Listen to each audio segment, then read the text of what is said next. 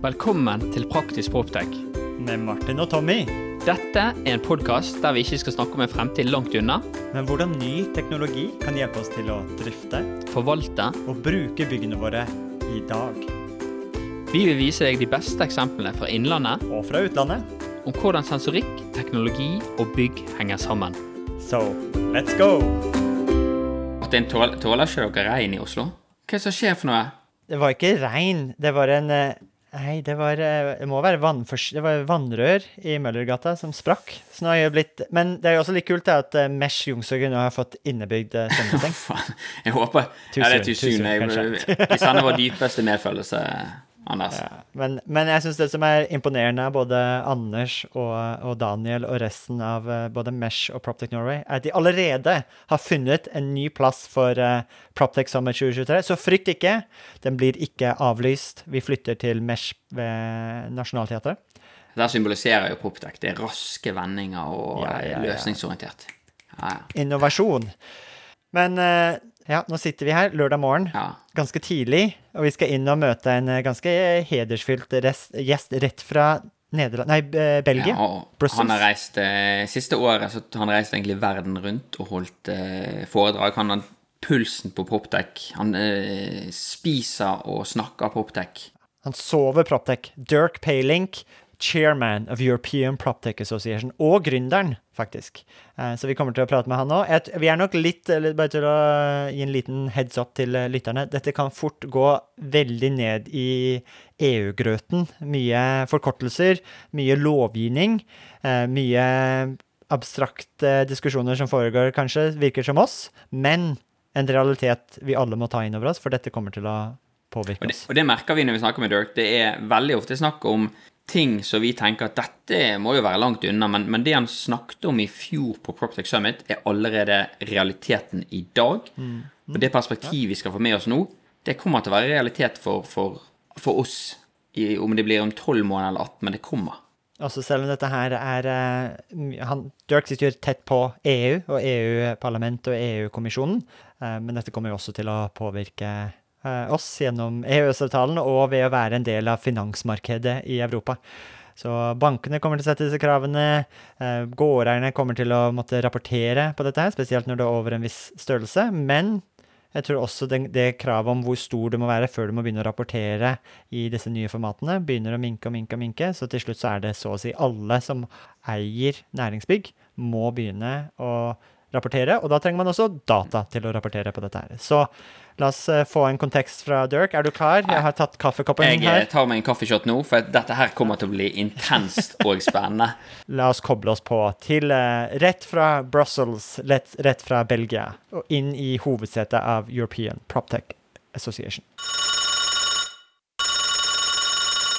I, I heard it, it's been a very hectic week for you, and you're also coming to Oslo next week for, for the Proptech Summit 2023. Yeah, yeah. This year alone, I think since January, I think I did about 80 uh, keynotes in more than 25 countries.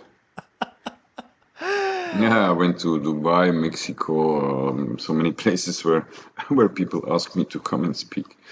Wow. Well, it's um, I think clearly the the chairman of the European PropTech Association is uh, someone that's uh, really sought after uh, in in these conferences. So thank you for taking some time with uh, Practice PropTech here today.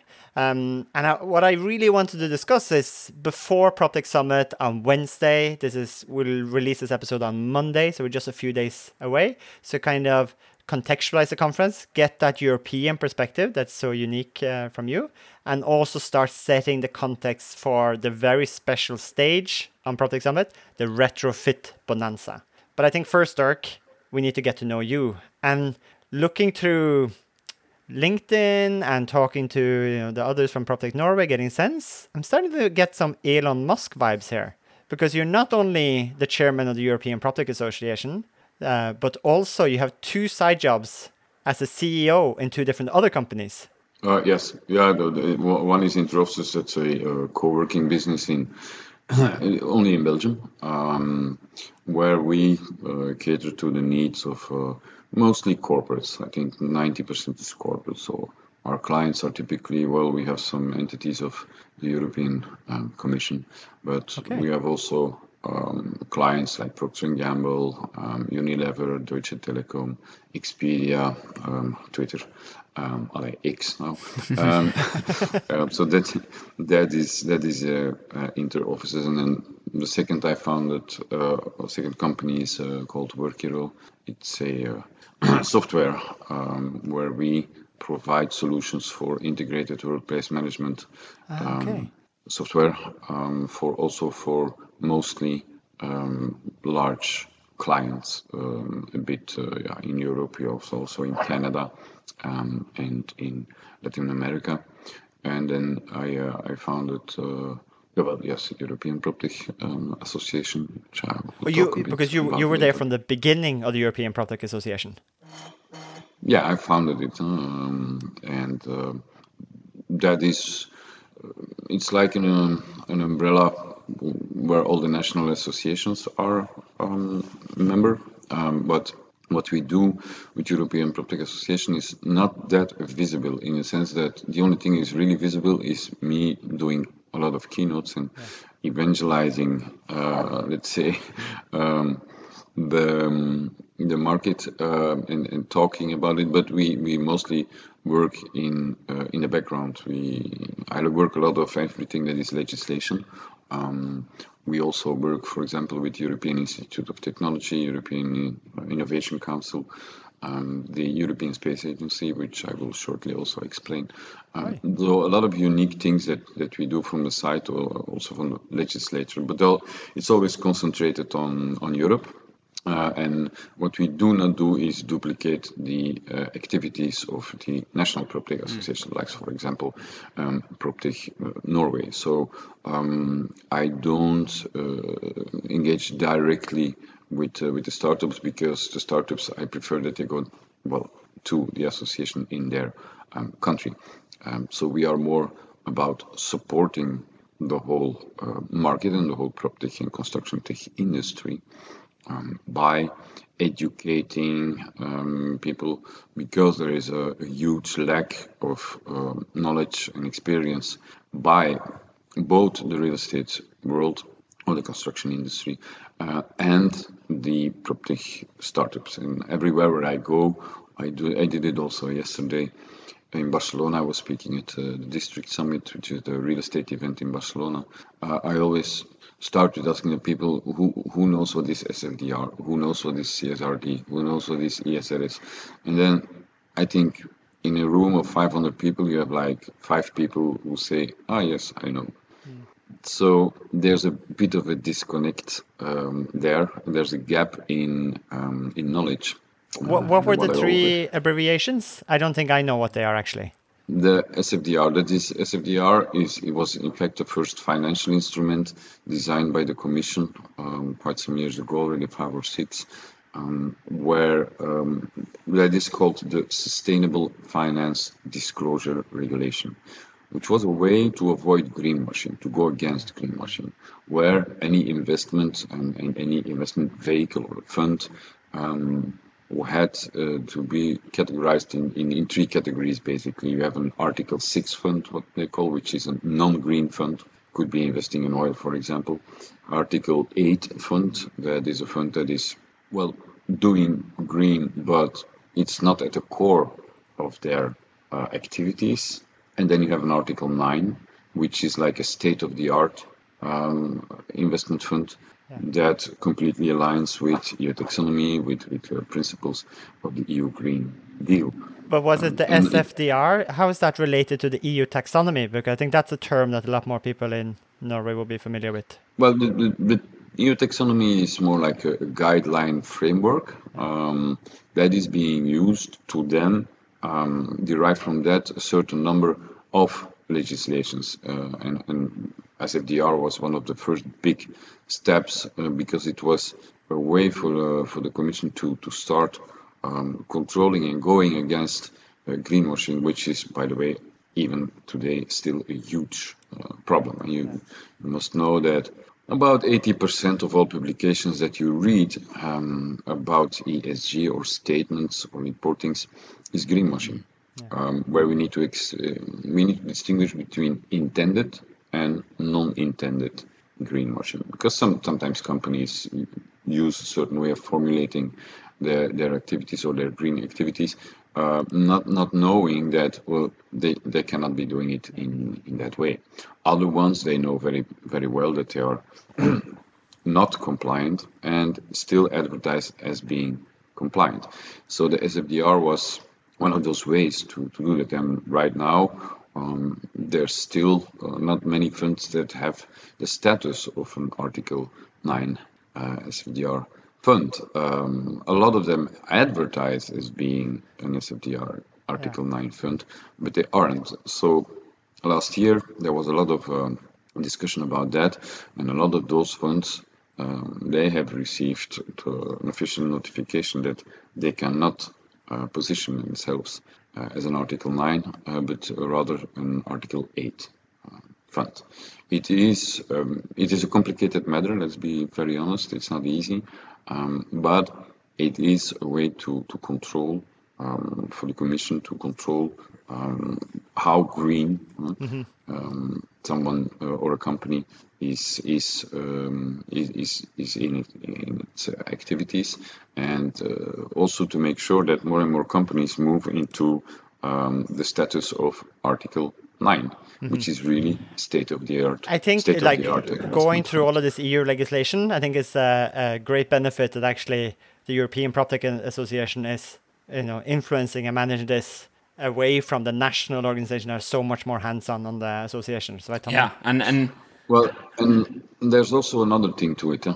Um, just talking about SFDR, the, the fact that um, PropTech startups uh, and, and scale-ups are not very knowledgeable of it, yeah. um, it, it creates a barrier for them. Okay. Um, because um, the, these regulations are better known by the construction companies or the large real estate mm-hmm. uh, funds, of course, because they are financial um, products. So I was talking about that yesterday in Barcelona because um, if you, as a property company, you want to uh, go to the big players in in the industry, uh, and then you need to learn to Speak talk language. Uh, their language, yeah. right? Uh, so if I'm in a room with uh, with 200 startups and I ask a question and there's two of them who say, "Ah, oh, yes, yes, yes, we really know about that," then we have a problem mm-hmm. um, because, uh, well, first of all, you need to speak the language of, of the big players, and uh, and also if you want to try to uh, convince them that your technology is really what they need, um, you need to make sure that uh, when they ask you questions, you understand the motive yes. for that question. Why else are they asking you mm. certain type of uh, questions? So it's it's very important uh, in the way that you position your startup and, and also in the way that, that you will be talking to the people to whom you want to market um, your um, your product or, or your services. Now, SFDR is not the only one. Mm-hmm. There's m- many more legislations. I can talk probably a whole day um, about this because because they are very detailed. Uh, but let, let's just say, uh, I will talk about that also short in in, Oslo.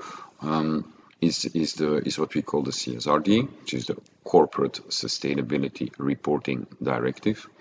Um, that came out in uh, 27th of November of last year, and that is really um, imposing uh, very very strict measures on reporting um, specifically also for the real estate uh, industry. And it comes down to um, a, a, reporting that is as important as the financial reporting. In fact, you will have, as from 2025, you will have financial reporting as a company. That's the one that you do every year because you need to do that. It's about the balances and cash flow. It's about, you know, the profit and so on. Next to that, you will have the CSRD reporting. That's your reporting on how stay, sustainable are you uh, in your um, activities. So this sustainability reporting has now become as important as the financial reporting. Mm.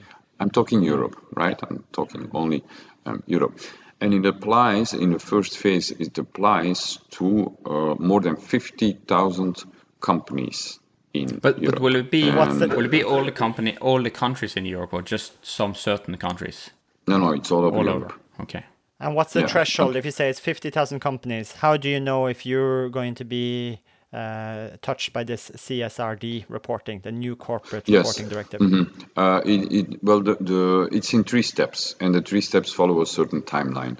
So, as of 2025, this applies to well about 50,000 companies in Europe, and as from a certain um, revenue or a certain number of uh, people that you employ. So let's let, let's say it very simply, because uh, otherwise we're going to get way too technical. Um, I think some people companies- might also think that, wow, this was quite an intense conversation to have early Saturday morning. But uh, this is really, really relevant and interesting. Actually, a good stark reminder both for the property companies that listen to the podcast, but also the technology companies.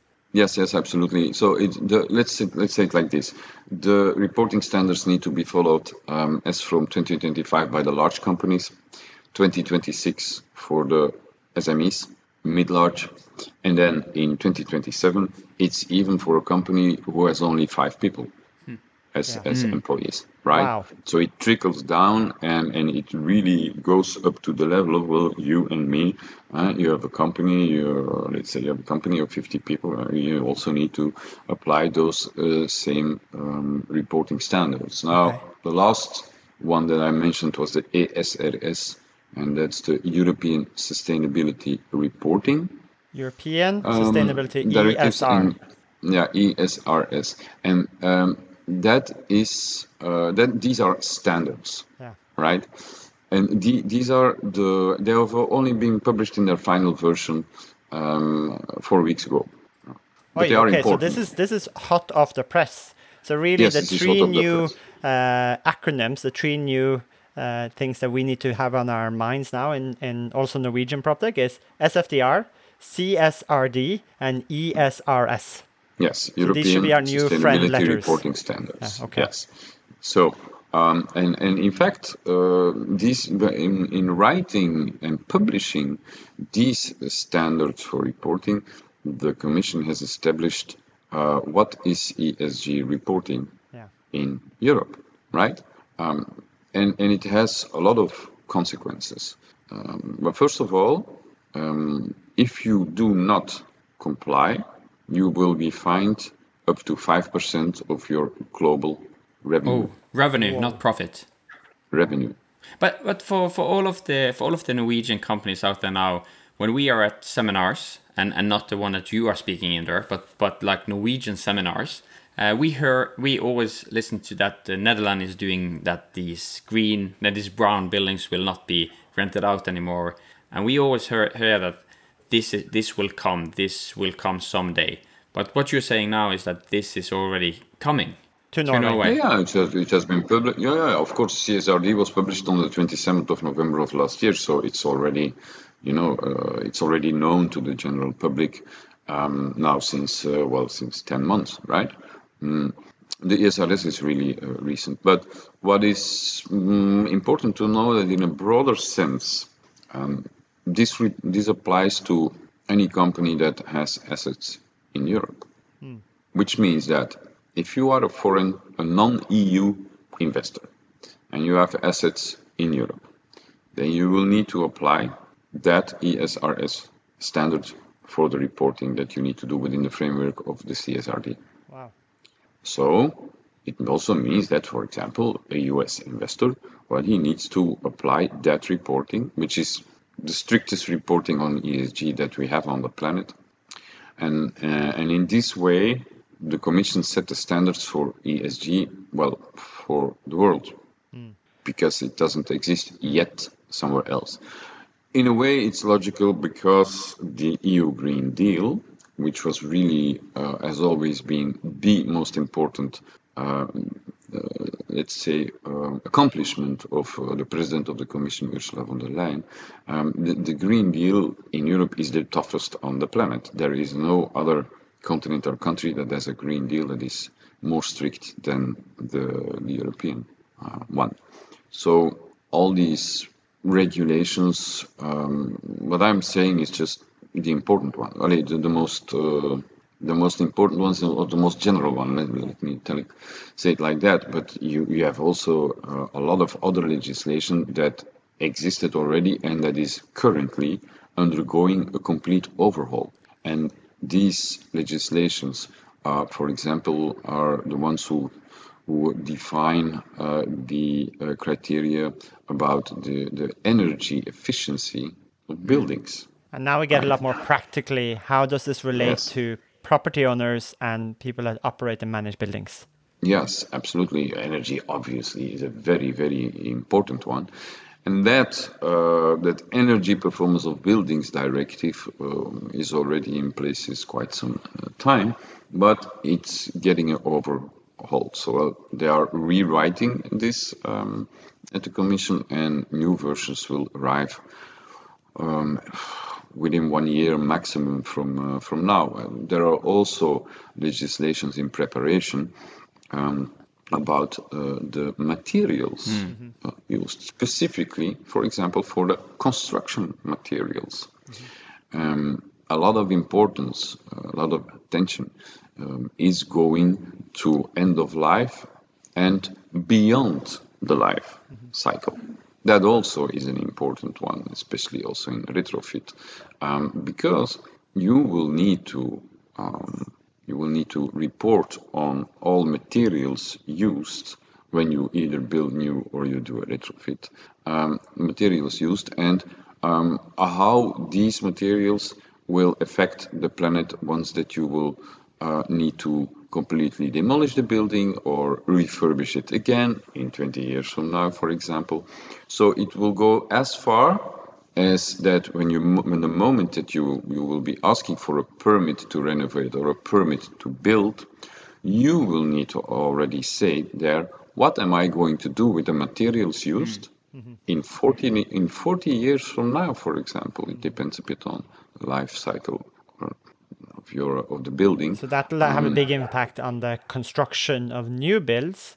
But one of the things, uh, like one of the focus for PropTech Summit this year in Oslo is the the wave that we predict now of refurbishments and retrofittings of buildings, and some of the kind of uh, alarmist messages we're getting from Europe, and this is a great perspective you have, Dirk. Is for example now we're hearing stories that in the Netherlands that if your building has an energy Uh, uh, certification or a, a, a energy character below the grade C, it is now illegal to rent it out. Is that a bit of propaganda? Or is it true? No, no, it's true, and it, it, it will come in Belgium too. Huh? Mm, okay. I think we are on the verge of doing that. Yes, yes, um, absolutely. Yeah. Now, what is And you see that? So that's Netherlands, speak- Belgium. Yeah, sorry.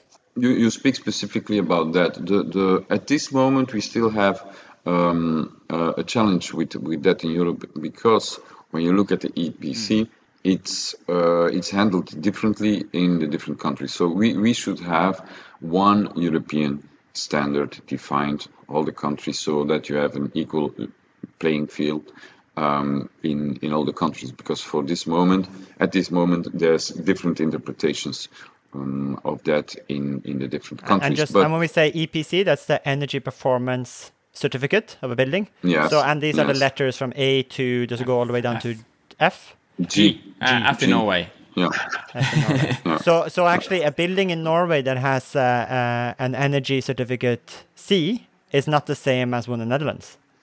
It's possible. I don't know it No. that in detail for every country. But every you're saying country, it's not I- standardized. I- so if you look at It- one in one country, it's not the same as another Yeah. country. I think Yeah, uh, I think the. C is the same is, is similar to the D in Norway because we also go down to to the F. But but with all of these Mm-hmm. reporting, uh, Dirk, with all of the reporting we have to do, do you see for the for the real estate owners out there, what kind of data do they for sure need in the future to be able to report?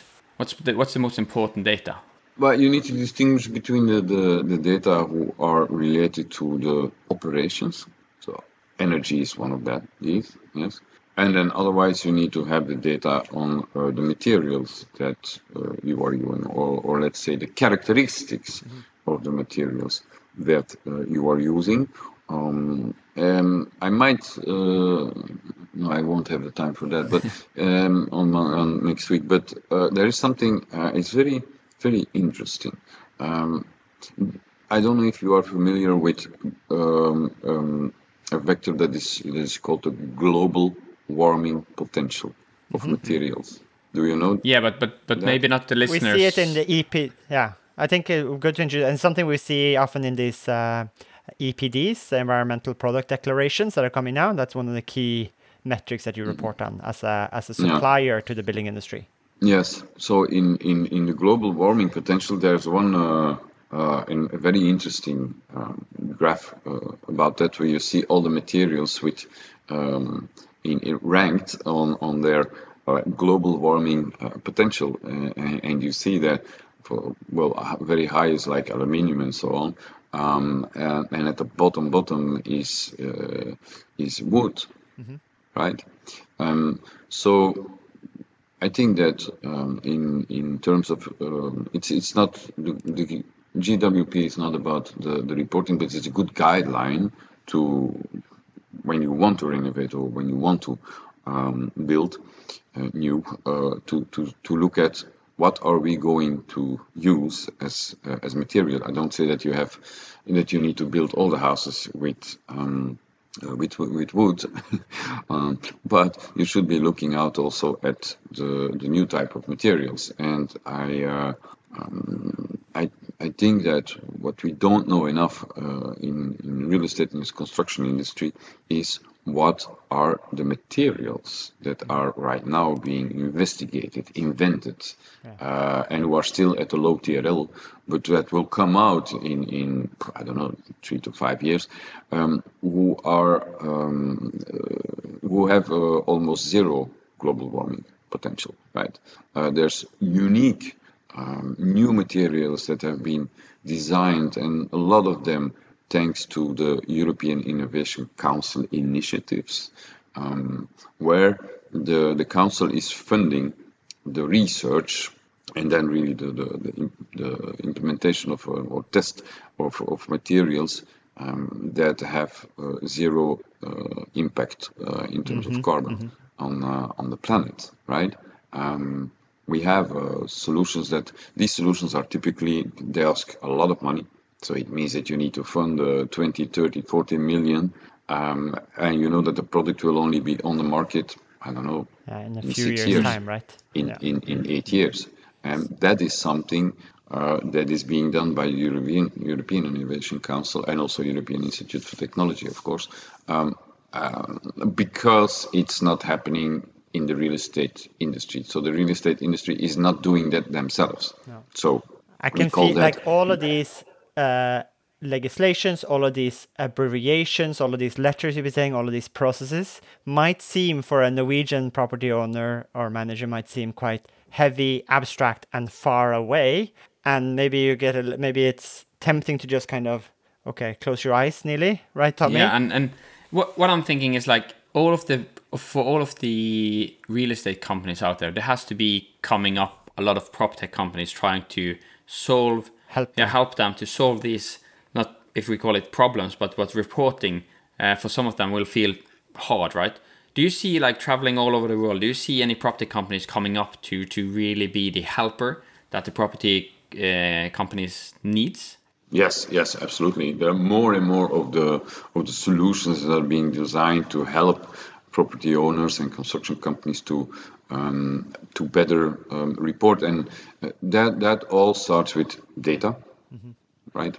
Um, so we have quite some software developed where um, they build on on, on data, um, and they integrate it in a model where it is linked with um, well reporting standards because it's good to have data, but then you need to make the link with reporting uh, standards. And as you very well know, um, the lack of data, um, real-time data, um, is is huge in in the industry. Let's say that most of the building owners they have no idea of the data.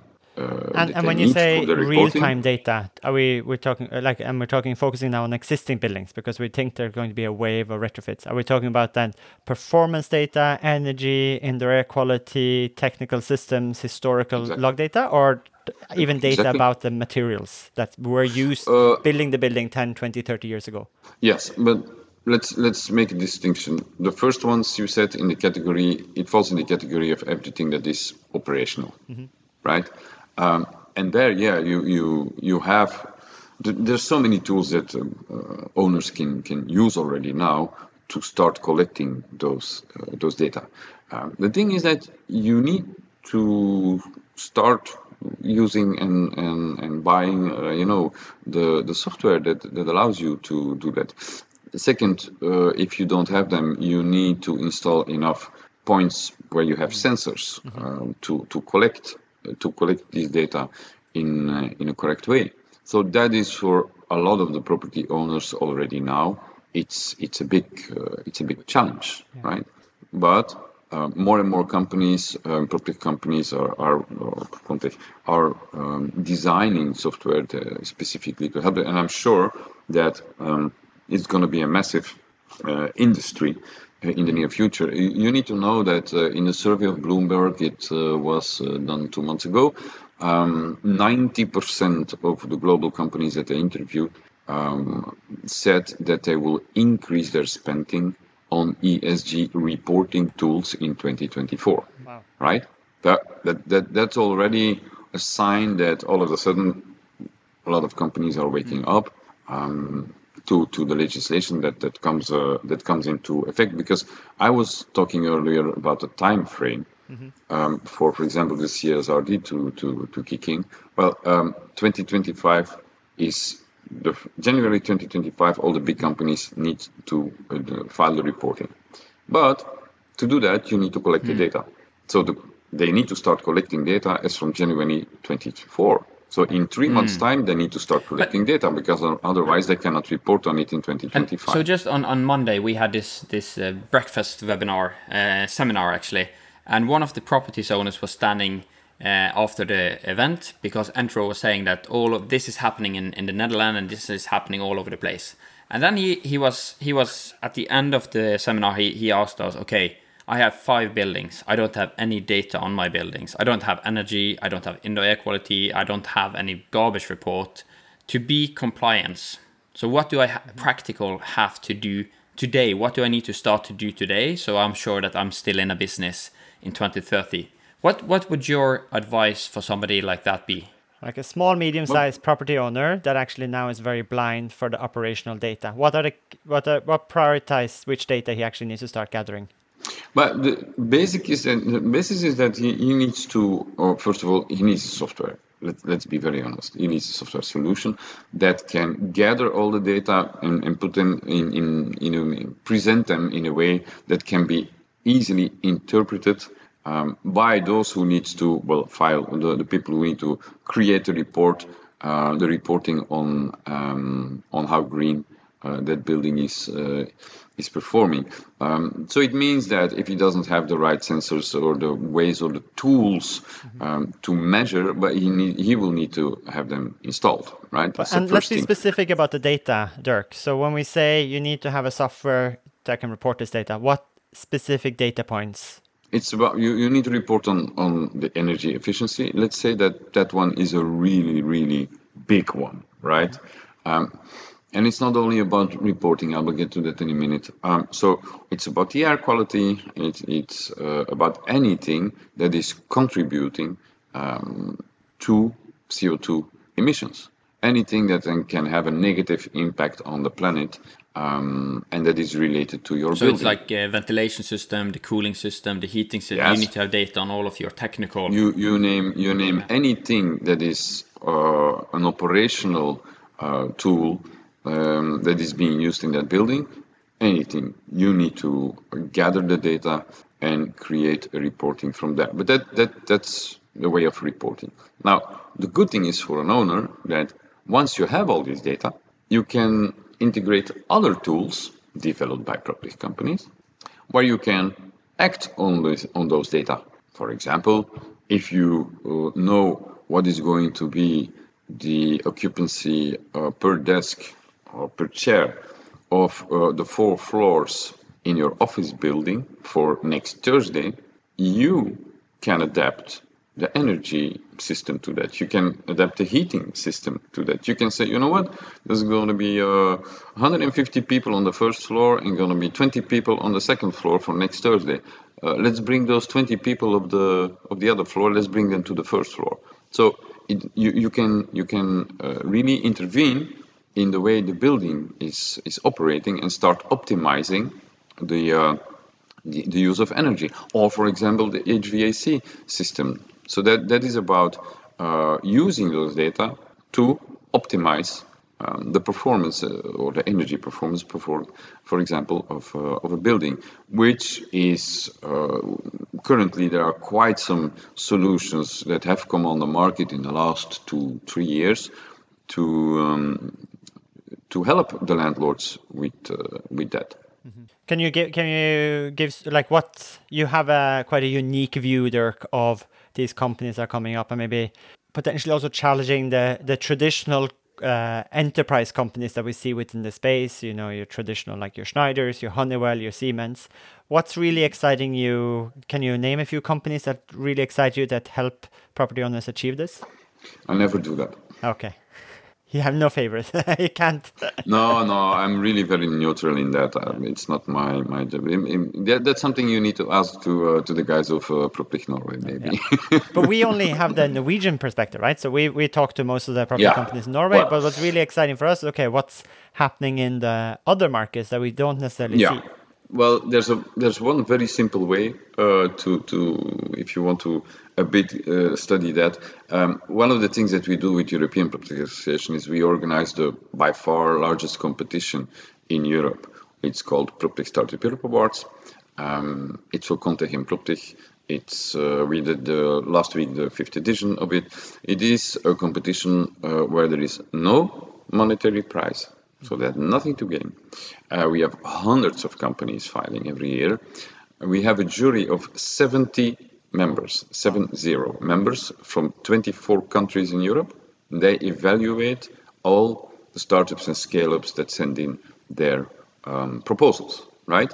Um, so it's a very good way with the 70 judges, all from real estate industry and from big, big companies, um, it's an it's a way it's a, it's a way to in an objective manner uh, to say listen 70 people think that this is a top 50 uh, of, of, of new startups in uh, in Europe and if you go onto my LinkedIn profile well I did a post last week or two weeks ago with uh, with the top 50 you look into those uh, companies, you will find companies active in exactly the subject that we are um, talking uh, about. And let's be honest, when you are in that top 50, it means that 70 people think on average that you're doing a good job and that you have a, a well, an, an exciting uh, product or, uh, or service.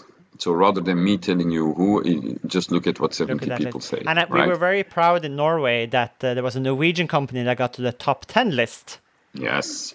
Uh, and I think that also goes a little bit back to like what Carrot is uh, solving is also linking back to the, the need to get better data, operational data about your building. So they're trying to solve this in terms of waste management yes. throughout uh, on the operation side.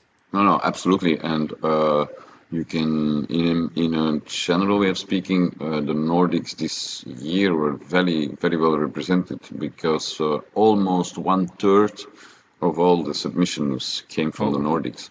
Wow, that's something to be proud about. But yeah, you can, and and it's no secret that that the Nordics are um, producing a lot of uh, a lot of good. Real estate technology companies. It's, it's not a, it's not if. If, Everyone if we that. also look at the, we had some sad news in Norway uh, the last couple of weeks, and that's uh, property companies going going bankrupt and, and out of business.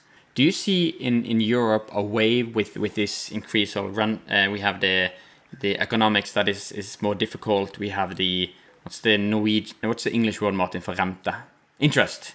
Uh, interest, interest rate. rate. I, I think what we're what we were a bit worried about, Dirk. Do you think winter is coming for PropTech?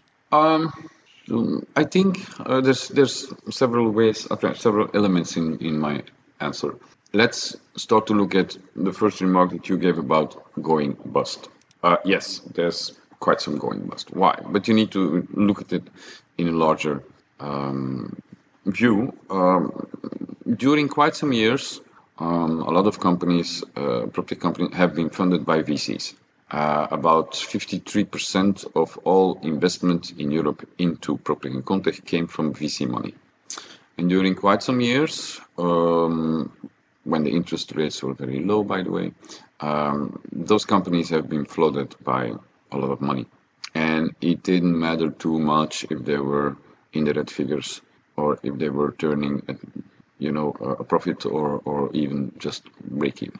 But with what has happened with inflation, war in Ukraine, um, COVID, of course, because we still have not recovered uh, fully from COVID, um, where the, the LPs, which means the investors in the VC funds, uh, they were putting on the pressure on, on the VCs, and saying, listen, I think it's time that uh, you decide who can stay in the portfolio and, and who cannot stay um, there. So there was a pressure of the VCs that. When you look at it uh, as, a, as, a, as a whole, uh, as a market in general way of speaking, uh, for example, this year, um, the total investment was about 500 million in Q1 uh, 2023, where it was 800 million in Q1 of 2022, right? Um, we see uh, also uh, that we have more deals, but smaller deals. We see that the valuation of quite uh, a lot of the PropTech startups uh, has been going, is decreasing, right? Um, now, does it say a thing about, does it say something about the quality of that company? Not necessarily, but the fact is that there's more and more questions uh, around that. And then don't forget that the real estate industry in as a whole is uh, is in a is in a mm. crisis.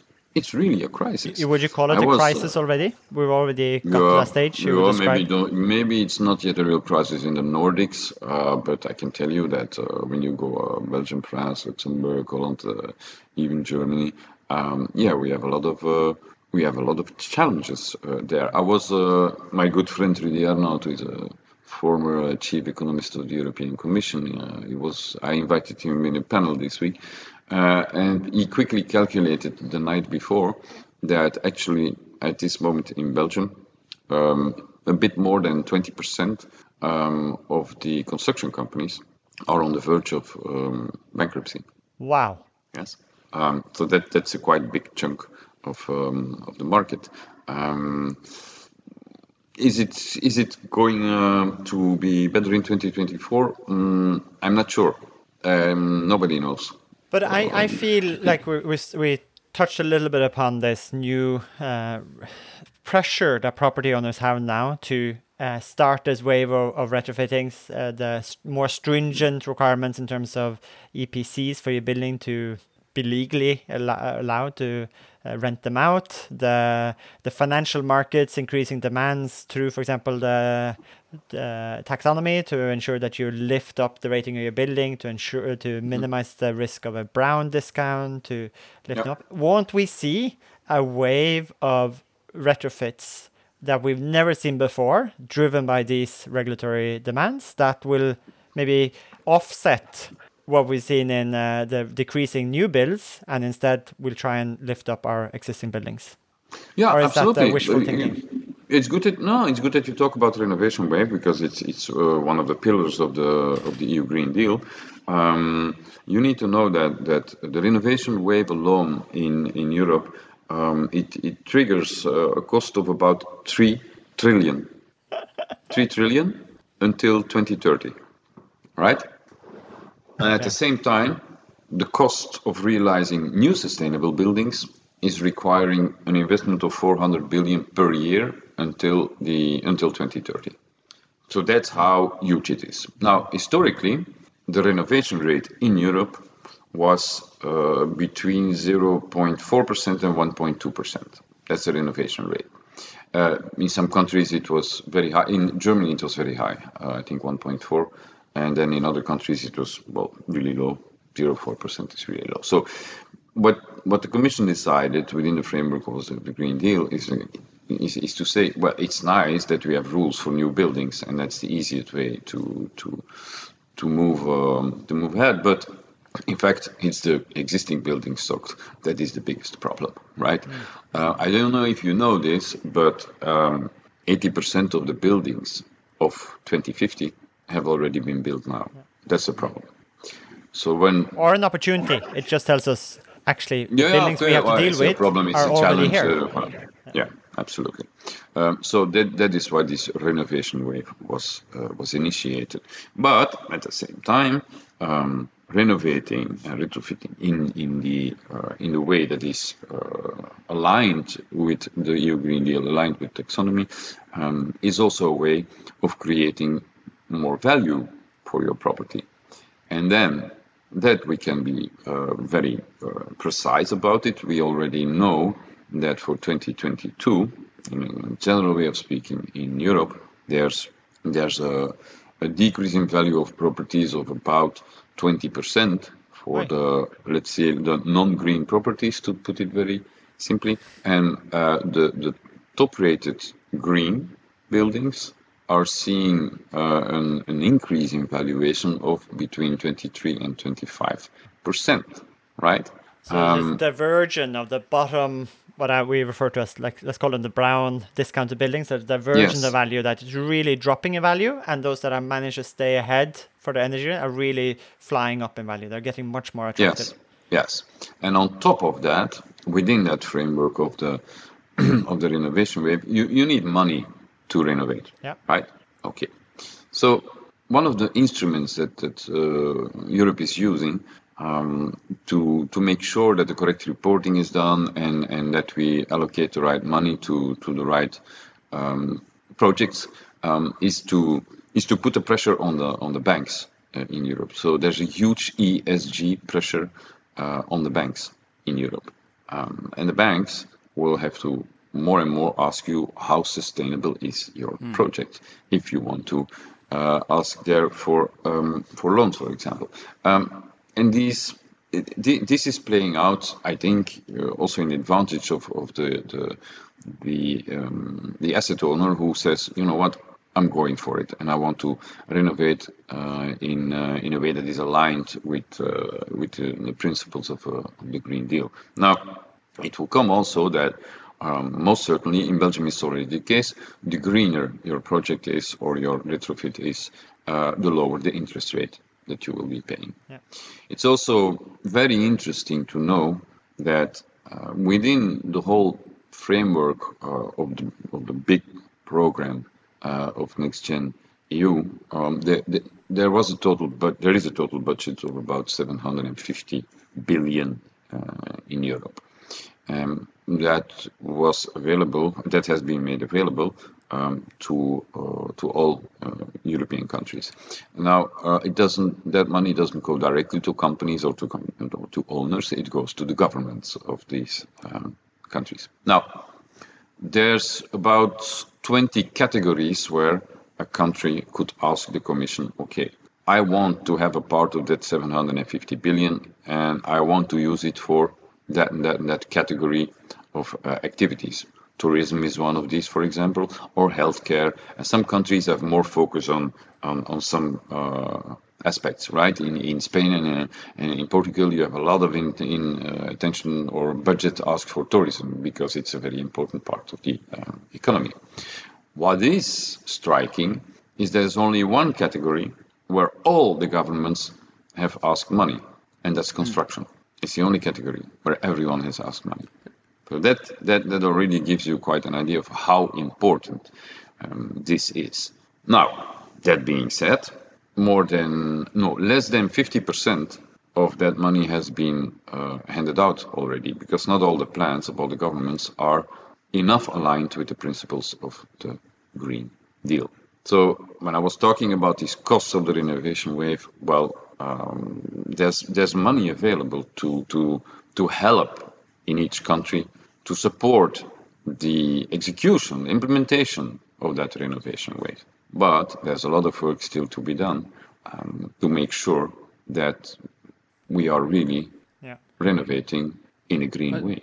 But so one one thing that I'm thinking about is that in Norway, a big a big percentage of the traditional building owners is family owned they they have another business like like uh, shipping or something, and they just got a lot of buildings because of the the good times, and they invested it.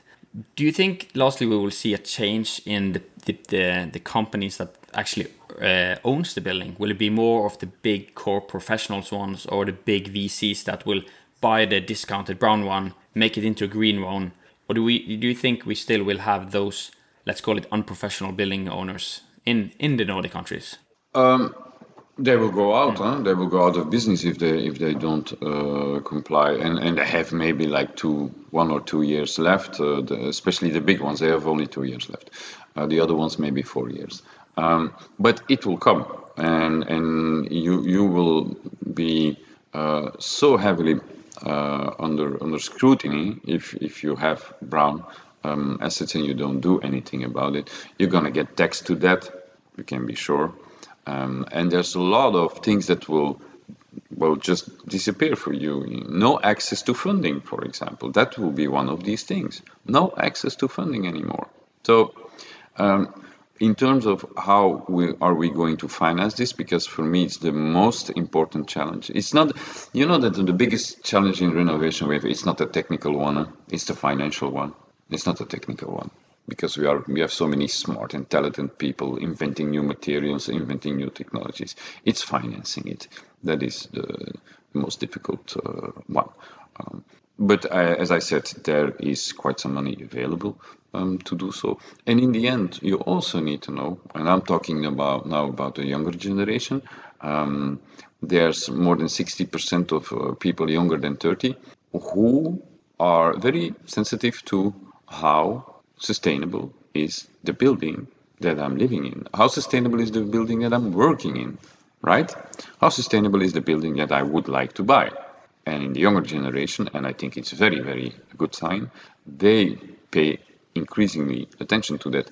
And on top of that, these people have indicated, there's a big survey of, uh, I think, four or five months ago in Europe. Um, these people have indicated they are willing to pay 15% premium if they can live or work in a building that is sustainable. Mm. And that's also a positive message that people are willing to put more of their budget mm-hmm. if the building is sustainable. It can be a new building or a retrofit, it doesn't matter.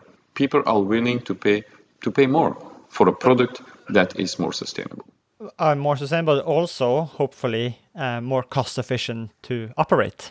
Yes, I think both both are are going hand in hand, right? Uh, and and uh, in, in terms of uh, the operations, um, that's that's of the two challenges, like operational and then uh, material uh, part. The operational part is uh, is a bit easier to solve than, yeah. than yeah, purely because there is the, the, there's much more of alignment with financial incentives to to make that the reality. Yes. Yes. I, I think Dirk, there's definitely a lot more conversations to be had about this at PropTech Summit in uh, Oslo, and I think this really sets the the frame, the context for uh, our stage, which is going to be well has the really exciting name of the retrofit bonanza, or this big wave of of refurbishments we will see, and I think so. You're actually opening up uh, our stage in the afternoon yes. at the PropTech Summit. So we're really excited about that.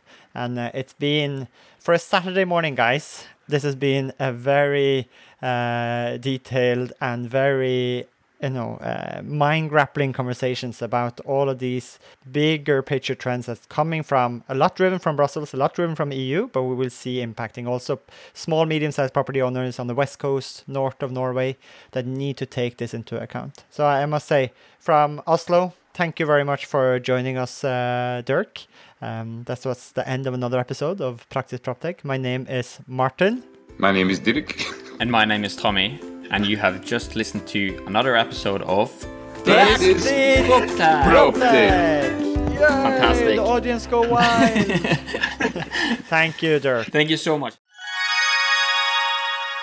Da dere er 2024 i gang, og et av høydepunktene på starten av året er jo sett sammen et årshjul, og det har vi også gjort, Tommy. Ja, Akkurat nå sitter jeg og ringer rundt 25. og 26. april, for da skal vi på FTV-kongressen. Og det blir litt ekstra spesielt i år, Martin. Det var jo veldig spesielt i fjor òg, for jeg husker det vakre øyeblikket når eh, du og Magnus fra FTV-kongressen eh, preiket sammen og egentlig unnfanget og satt sammen en god idé. Og det var jo invitasjonen til eh, Proptech-dugnaden, som også blir et høydepunkt i år, ikke sant, Magnus, på FTV-kongressen 2024? Jo, det stemmer det. Vi setter godt med plass i år til, til dugnaden. En god og sprø idé for å sette praktisk Proptech ut faktisk i livet og vise hva vi får til, ikke bare fortelle. Det var jo, det var jo veldig gøy, for jeg husker da jeg skulle pitche dette til deg, så tror jeg du avbrøt meg og bare sa 'vi er med'. Og når vi var på dugnaden, så sa du òg at Tommy, dette her må vi ta med oss tilbake på FTV-kongressen. Vi må jo praktisk få dette vekk fra Powerpoint og vise praktisk hvordan vi har gjort det. Og det syns jeg blir litt spesielt i år, at det blir jo for meg en liten reunion av det som skjedde der ute. Men, men eh, FTV-kongressen er vel mye mer enn en, bare en reunion òg. Jo da, det er en møteplass for uh, FTV Norge, og vi ønsker å skape det til en, en god møteplass for FTV Norge, som, som, tross alt tar vare på Norges største fastlandsnæring. Og da skal, vi, da skal vi ha en god arena å møtes for å se på felles uh, utfordringer og problemer, men ikke minst hvordan vi kan løse ting fremover. Og så blir uh, dugnaden en sånn bekreftelse på hvordan vi faktisk kan gjøre det, istedenfor å stå og bare høre om hvordan vi kunne ha gjort det. Det er veldig kult. Og januar er jo en gavemild måned, så hvis du brenner for bedre drifting av bygg, så kan du få med en liten eh, rabattkode her også, så møtes vi kanskje 25.-26. april på Tung kongress Gardermoen. Og den rabattkoden er ikke vanskeligere enn Praktisk Proptek med små bokstaver og uten mellomrom. Praktisk Proptek. Praktisk Proptek, små bokstaver, ingen mellom ett ord. ftvkongressen.no, der ser du programmet, det blir oppdatert i disse dagene, og så møtes vi i april. Vi ses! Vi ses!